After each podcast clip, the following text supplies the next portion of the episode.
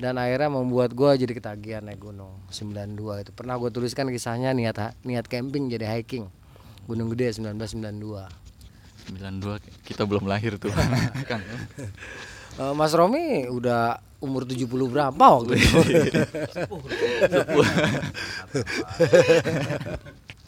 Setiap gunung yang gue daki itu sudah tertulis dalam takdir hidup gue jadi entah ada penambahan atau tidak gue nggak tahu. Yang jelas eh, selama masih ada ruh di kandung badan itu untuk melakukan pendakian pasti gue melakukan.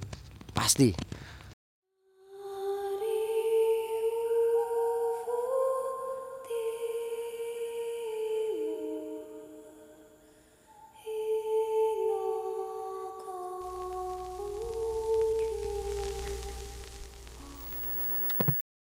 Assalamualaikum warahmatullahi wabarakatuh. Balik lagi di Selatan Jakarta Sama gue Reja.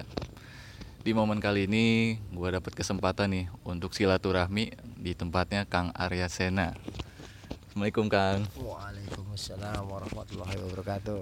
Di sini ada Kang Arya Sena bersama timnya Ada Mas Gali Ada Bang Romi. Kita mau ngobrol-ngobrol santai nih sama Kang Arya. Jadi kita langsung aja ya tanya-tanya nih Kang Arya Kesibukannya apa saat ini Kang? Kesibukan gua selain bikin konten, ngobrol, ya tentunya sedang menulis atau merapihkan karya kedua gua ya, buku kedua gua. Itu buku kedua gua judulnya Perjalanan Para Demonstran yang menceritakan kisah dan pengalaman gua saat melakukan pendakian Semeru di tengah maraknya demonstrasi mahasiswa pada saat itu. Ditunggu tuh Kang Pi. Karyanya Kang. Amin, semoga Allah memudahkan. Amin, Amin amin. amin. Hmm. Kang Arya awal-awal naik gunung itu tahun berapa Kang? Alhamdulillah waktu itu tahun 92 ya Gua masih SMP kelas 3 Nah, Sebuah pendakian yang nggak diduga sama sekali Karena memang awalnya tuh kita mau camping Awalnya. Nah, Awalnya mau camping itu pun gara-gara ada dua harim cantik Nyasar di stasiun Pasar Minggu Ngajakin camping di Cibodas. Diajak ke Cunang kagak mau Curug Luhur nggak mau Cipelang nggak mau. Pokoknya itu cewek kekeh maunya ke Cibodas gitu. Setelah ada sekelumit ya biasalah. Di stasiun itu kan nongkrong dari mana-mana ada. Ya akhirnya tiga orang itu termasuk gua bisa nganterin tuh cewek-cewek. Kita berangkat ke Cibodas tapi ternyata di Cibodas ada persaingan. Akhirnya ribut-ribut-ribut salah seorang di antara kita nantang untuk mendaki Gunung Gede. Saat itu otak masih didengkul di bawah sedikit di atas sedikit. Jadi posisi otak masih amburadul lah ya. Nggak ada pikirannya mengiyakan aja malam itu. Padahal saat itu kita nggak pernah ada yang naik. Belum pernah ada yang naik satupun. Tapi alhamdulillah perjalanan itu akhirnya sangat menyenangkan dan akhirnya membuat gua jadi ketagihan naik gunung. 92 itu. Pernah gue tuliskan kisahnya niat niat camping jadi hiking. Gunung Gede 1992 92 kita belum lahir tuh Kang. Eh, Mas Romi udah umur 70 berapa waktu itu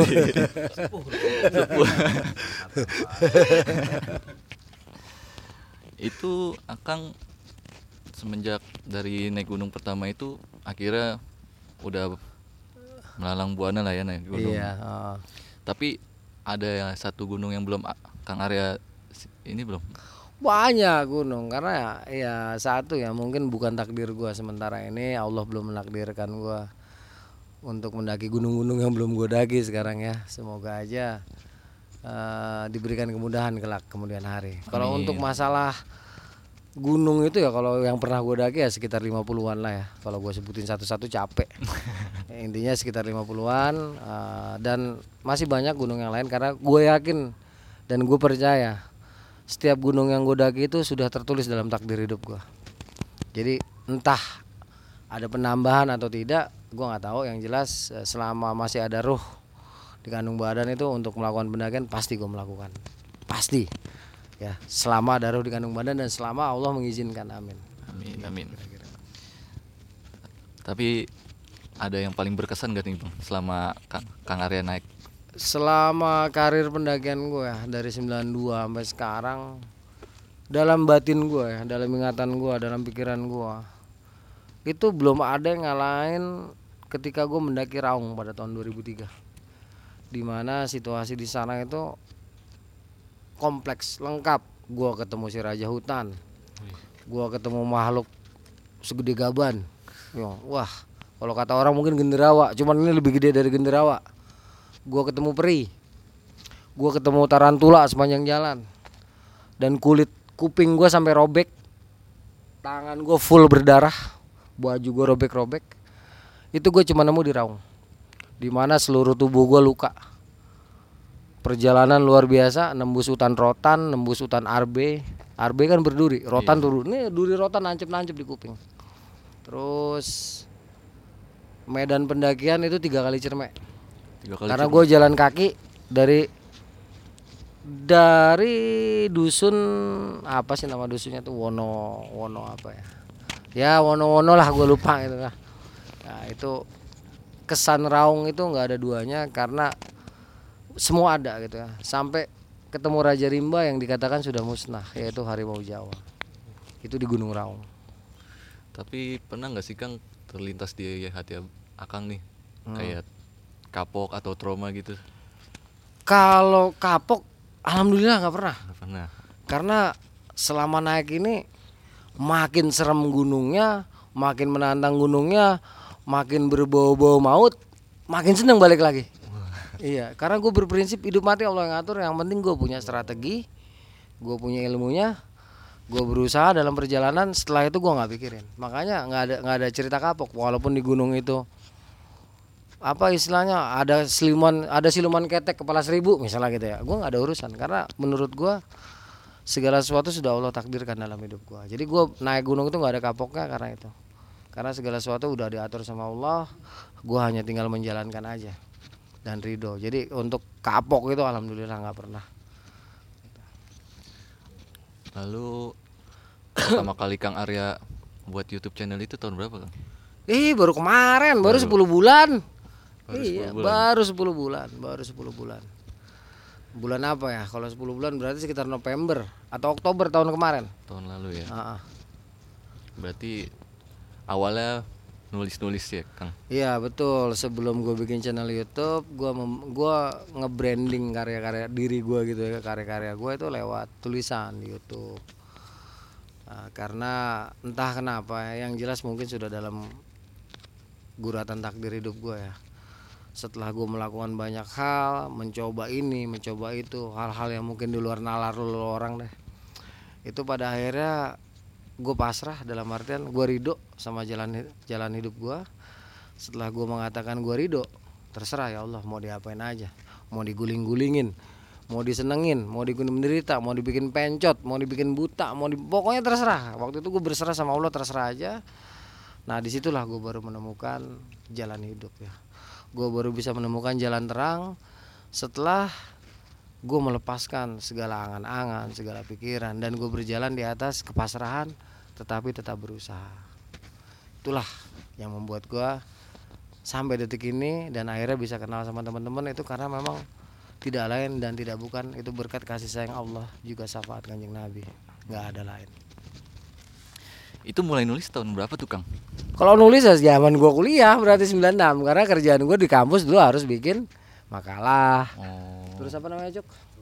Tulisan lah pokoknya kita harus membuat berita. Tugas-tugas kita dulu di masa-masa awal kuliah terutama PB1, PB2 penulisan berita 1, penulisan berita 2 ya memang kita diwajibkan eh, untuk membuat artikel untuk membuat istilahnya headline apa bukan membuat headline untuk membuat judul berita badan ber- isi berita badan berita juga penutupan. Jadi memang sudah terasa sejak kuliah. Tetapi sejak dari SD sebenarnya gue suka ngarang dulu. Suka bikin puisi ngarang-ngarang puisi tuh jadi hayalan gue cuman saat itu ya belum belum ter apa ya belum terarah seperti di saat gue setelah mengenal ilmu untuk menulis itu sendiri gitu setelah gue kuliah. Itu baru terarah penulisannya Mantap Kang. alhamdulillah. Kang Arya punya pengalaman bareng ini. sama bang Bang Romi itu banyak. Kalau pendakian nggak banyak tapi kalau urusan pekerjaan di mana kita menemukan hal-hal mistis aneh gila konyol nggak masuk akal itu banyak. Banyak Kang. banyak yang bawa-bawa mistis terutama yang berhubungan dengan hari Selasa tuh banyak banget. Ah, itu banyak ya kalau sama Bang Romi karena eh gua bisa dikatakan satu ruangan sama Romi itu empat tahun. Dan ruangan tempat gua kerja dulu bekas klinik eh, bersalin. Nah, jadi di situ uhui dan karyawan yang telat pulang itu pasti gua. Karena gue juga datangnya jam 2 jam 3 gitu kan. Masa iya pulangnya jam 7 gitu ya? Otomatis gue pulangnya jam 3 pagi jam 2 pagi. Ah, non gunungnya gue sama Romi banyak banyak terutama yang di kantor yang di kantor tuh. kenal Bang Romi udah lama banget ya. ya pas kuliah Pas kuliah. ya dia nongkrong di sini pacaran di rumah gua juga sini.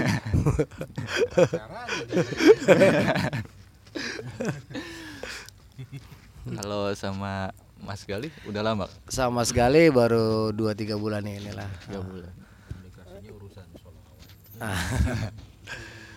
kita sama Mas Gali itu ya mungkin karena ada satu ya satu soul ya dalam dalam melafazkan selawat dalam menjalankan selawat. Kemungkinan besar ya karena setiap pertemuan itu tidak ada yang tak sengaja. Seluruh pertemuan itu sudah jauh direncanakan Allah bahkan sebelum kita ada di dunia sekalipun. Itu kepercayaan gue ya kalau orang gak mau tahu.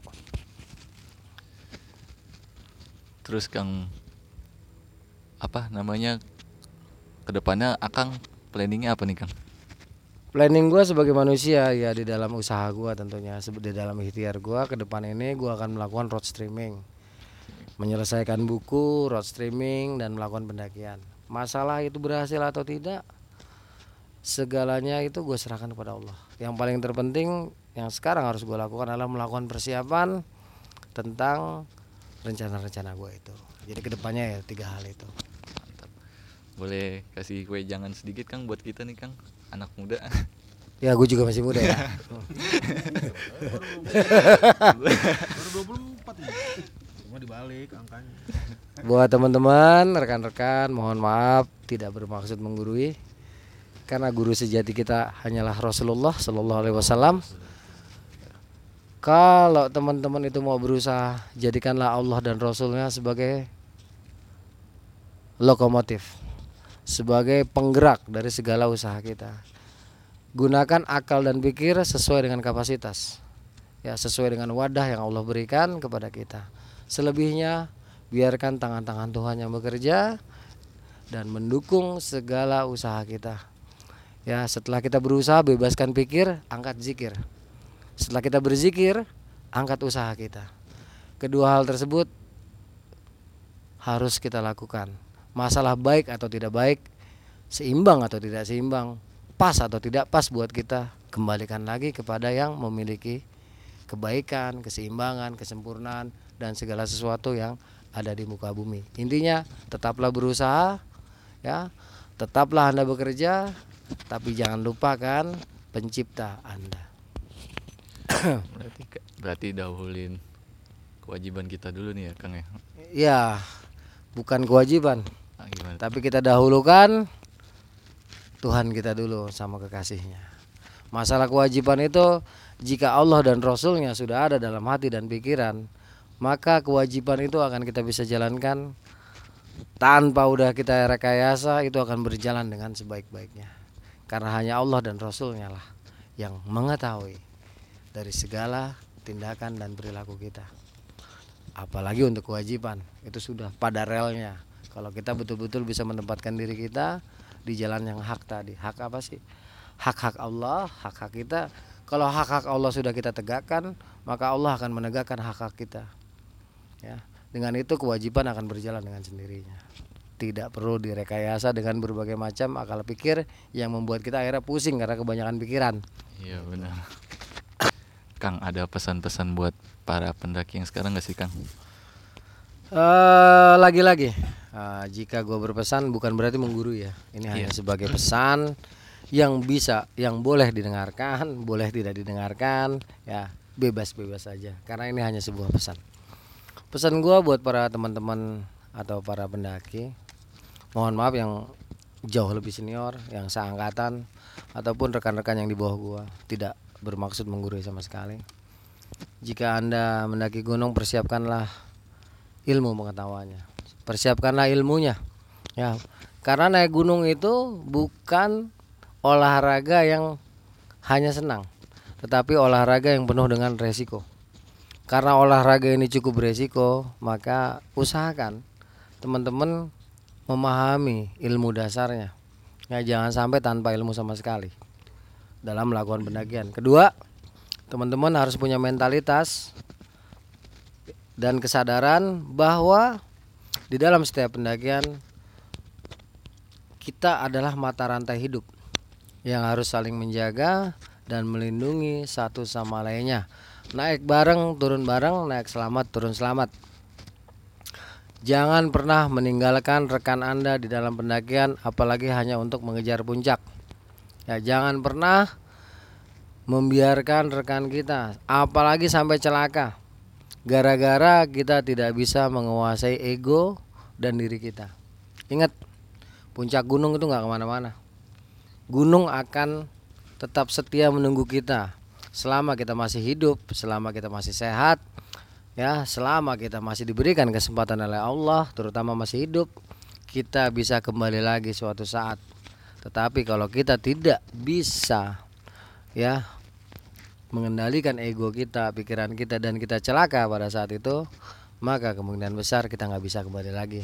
Banyak kasus lah teman-teman kita meninggal di gunung hanya karena apa sih? Untuk konten, untuk apa namanya selfie ya bahkan untuk keperluan-keperluan yang jauh lah dari nilai-nilai pendakian yang sesungguhnya jadi hitah diri kita sebagai seorang pendaki kalau mau disebut pendaki kalau mau disebut pencinta alam kalau mau disebut penikmat terserah apa pun. Siapa pun manusia yang datang ke gunung apa pun namanya apa pun jenisnya itu adalah tamu-tamu alam. Maka itulah sadari sebagai tamu di tempat yang tidak biasa kita juga harus memiliki kemampuan yang tidak biasa. Ya harus memiliki fisik yang juga tidak biasa karena itulah dengan kesadaran itu mudah-mudahan Allah Subhanahu wa taala akan meminimalisir berbagai kecelakaan ataupun kejadian yang tidak menyenangkan. Karena kita juga sudah mempersiapkan diri kita dengan pengetahuan juga kesetia kawanan rantai hidup mulai dari berangkat dari rumah begitu kita udah bergabung dengan rekan-rekan kita itu seharusnya ada kesadaran korsa ya. Korsa itu korep. Atau kalau kita permudah untuk mencernanya itu kesetia kawanan Gitu. Nah, kebanyakan sekarang ngejar konten nggak tahu ilmunya nggak paham bagaimana cara menghadapi situasi dan posisi. Naik ketika ada situasi yang mereka nggak bisa hadapin karena nggak tahu ilmunya nah begini. Yang terbaru itu Kang ya, yang di Guntur yang umur 12 tahun. Nah itu. Masih karena dianggapnya naik gunung tuh wow keren fotonya bagus ya nggak padahal itu nyawa taruhannya itu naik gunung. Tapi biasanya kalau kayak gitu dia emang kan sebenarnya kan jalur pendakian itu kan em- emang ada jalurnya ya kan ya? ya iya memang ada. Makanya kan gue udah bilang yang namanya jalur pendakian itu mesti adanya di punggungan. Tapi kan kalau yang nggak tahu ilmunya punggungan apa sih bang? Lembah apa sih bang? Kan kalau yang tahu oh punggungan tuh berarti dia punuk bukit. Di gunung itu yang namanya gunung mesti begini nih tuh dia bukit-bukit kan. Nah setiap bukit-bukit itu nyambung ke puncak gunung. Kenapa kita harus lihat peta kuntur kalau gua kebutuhan peta hanya buat lihat ini punggungan putus apa enggak. Kan kelihatan dari kalau di peta itu kan ada garis begini nih kayak gunung terus turun ke bawah gitu kan. Nah yang naik ke atas itu puncak namanya bukit. Yang turun ke bawah namanya lembah. Nah kita harus ada main yang di tempat munjung ke atas bukan tempat yang turun ke bawah ini namanya lembah lembah itu bukan tempat untuk melakukan pendakian tidak didesain untuk dijelajahi oleh manusia Nah, ini yang orang-orang nggak tahu. Main hajar lembah aja. Lembah itu tidak didesain Tuhan untuk dijelajahi oleh manusia, tidak. Bahkan hewan pun ya hanya hewan-hewan tertentu yang bisa didis- yang didesain Tuhan untuk menjelajah di situ. Lembah itu didesain Tuhan untuk dijalani oleh air, bukan oleh makhluk hidup. Kan orang nggak tahu. Nah, kalau tahu dasarnya kan oh, kalau yang munjung ke atas, oh berarti kalau gua naik gunung itu kiri kanan mesti ada lembah, ada lembah.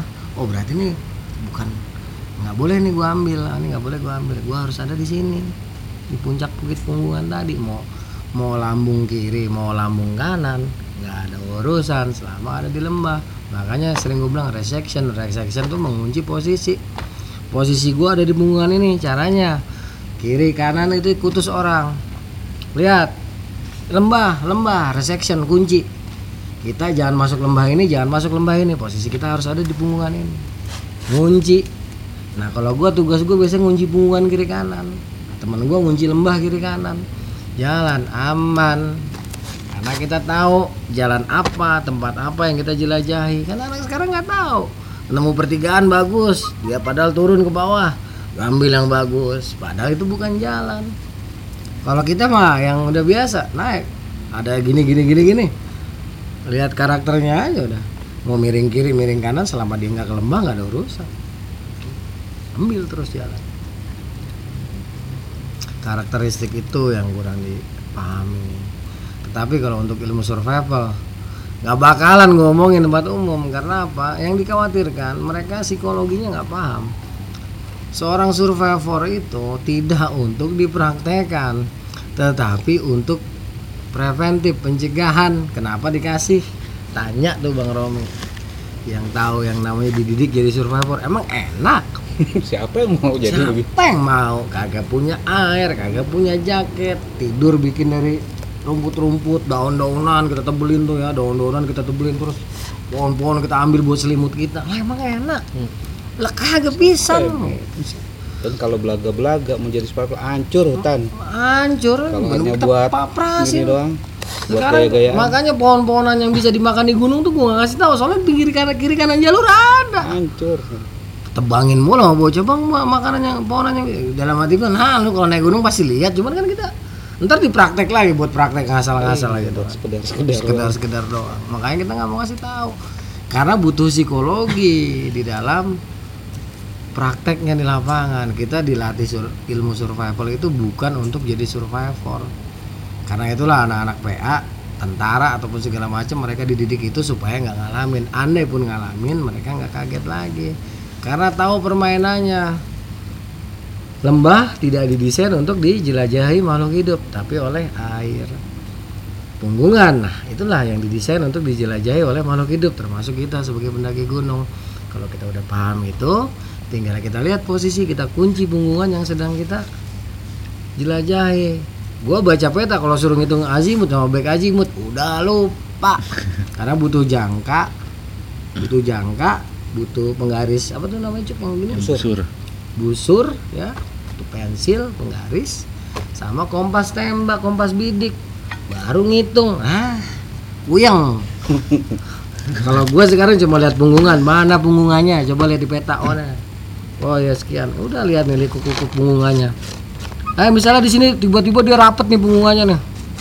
Tebing berarti kan? Iya. terus tiba-tiba dia rapet pas posisi turun gitu kan wah berarti lembah jurang putus. Nah itu kita langsung tahu oh ini ini nggak bisa muncak lewat sini. Oh ini bungungan ini juga putus di sini. Oh ini bungungan ini putus di sini. Gitulah. Keputus tebing biasanya atau sama lembah. Dah jadi kita nggak ambil bungungan ini nggak ambil bungungan ini nggak ambil bungungan ini. Yang kita ambil oh nih dari sini berarti bisa nih dia nggak ada putusnya. Setiap jalur gunung itu adalah rangkaian bukit-bukit yang dia sampai ke puncak gunung walaupun ada beberapa yang dipindahkan ke punggungan lain karena memang nggak tembus Tuh, jadi karakter karakter gunung itu ya kita udah paham. Oh iya gini oh ya dan misalnya kalau ada apa-apa di gunung kan kebanyakan bocah dia nyasar dia turun terus mas. Gunung kan begini. Ya ya kan? Lebar kan? Makin ke bawah kan makin lebar kan? Berarti makin lebar juga apa?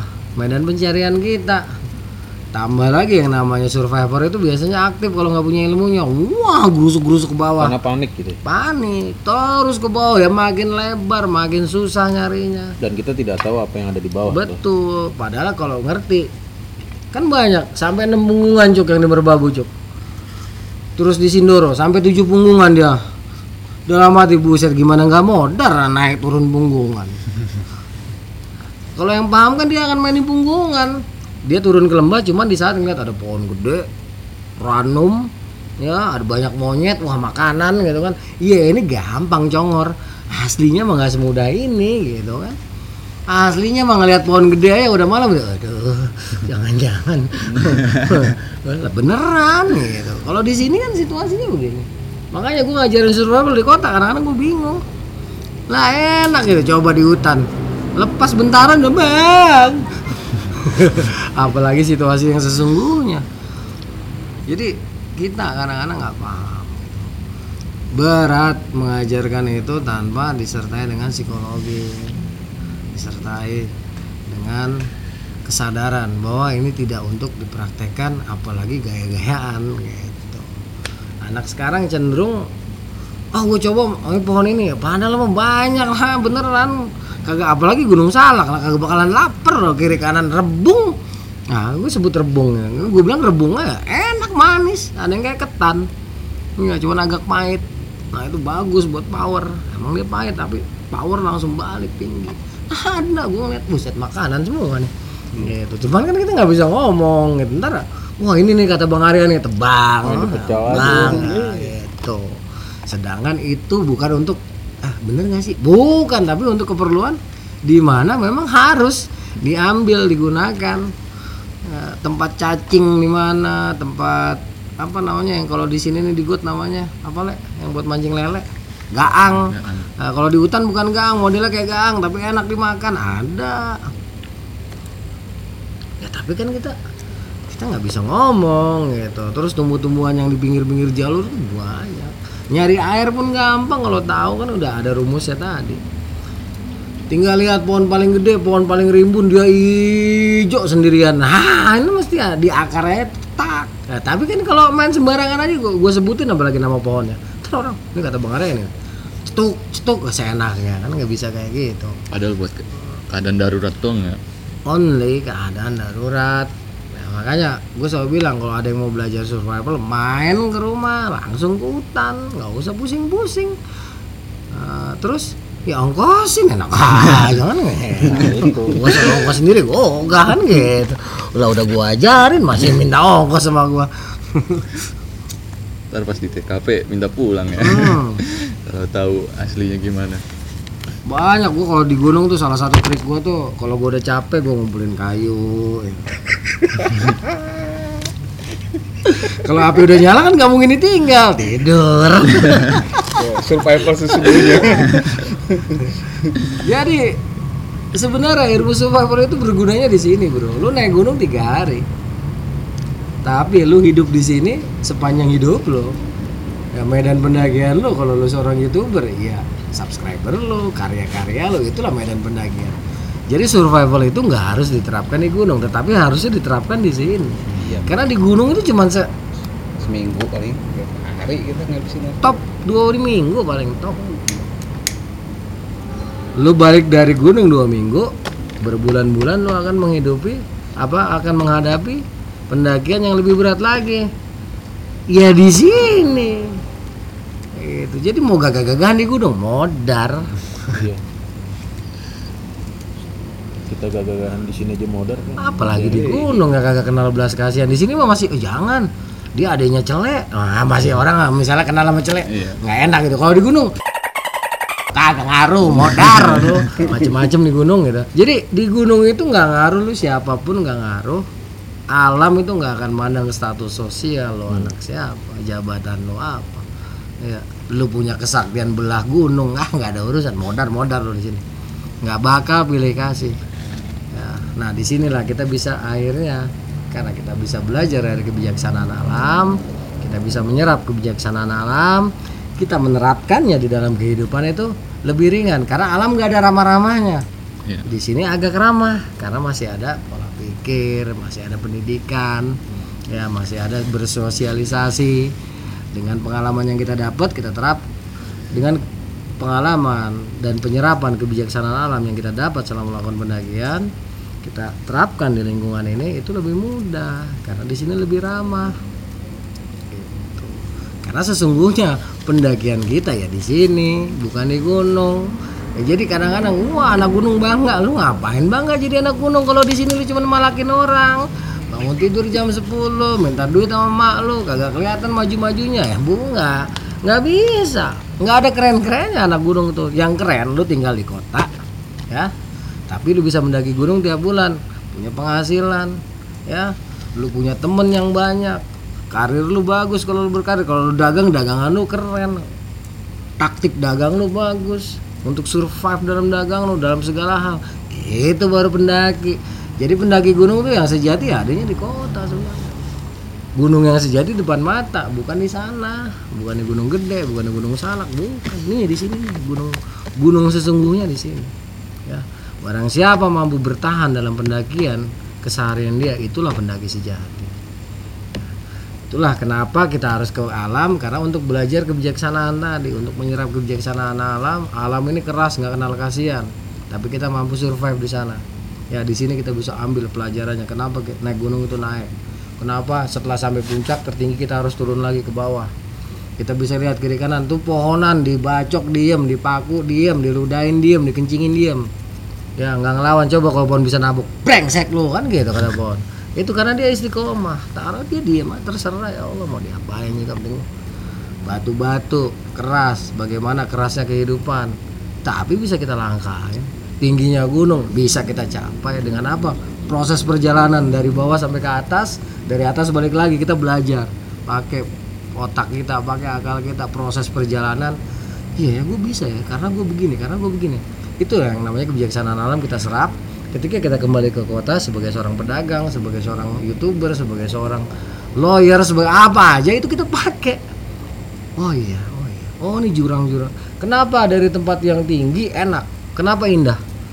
Ya karena dengan tingginya ilmu pengetahuan dengan tingginya kebijaksanaan dengan tingginya kedewasaan kita kita akan bisa melihat dunia itu dengan indah. Bukan cuma lihat gunung, kawah, awan, enggak itu pun siloka-siloka semua bagi para pendaki yang mau belajar dari pendakian dia. Jadi sebenarnya mendaki gunung tuh emang enak asal ada ilmunya, bukan cuma sekedar wait Instagram, Instastory, wait Facebook. Kira-kira gitu ya teman-teman ya. Mohon maaf ini. Oke, berisi banget ya teman-teman. Kang, makasih banyak nih udah diizinin silaturahmi di sini. Ya sama-sama ini semua karena Allah Alhamdulillah malam ini kita masih berjumpa ya Semoga besok Allah bisa mempertemukan kita kembali Amin. Hmm. Semoga sehat selalu buat Kang Amin. Arya beserta, beserta timnya. Amin Amin ya Rabbal. Dilancarkan rezekinya Amin Doa yang sama dan buat teman-teman jangan lupa di subscribe channel Selatan Jakartanya. Yoi subscribe ya teman-teman ya Ya, jangan lupa Selatan nyalain loncengnya nih. Mungkin obrolan kita sampai sini aja dulu ya. Nanti ke depannya kita minta ceritanya Kang Arya. Amin Amin Gua pamit undur diri bersama Kang Arya, Mas Gali, Bang Bimo. Wassalamualaikum warahmatullahi wabarakatuh.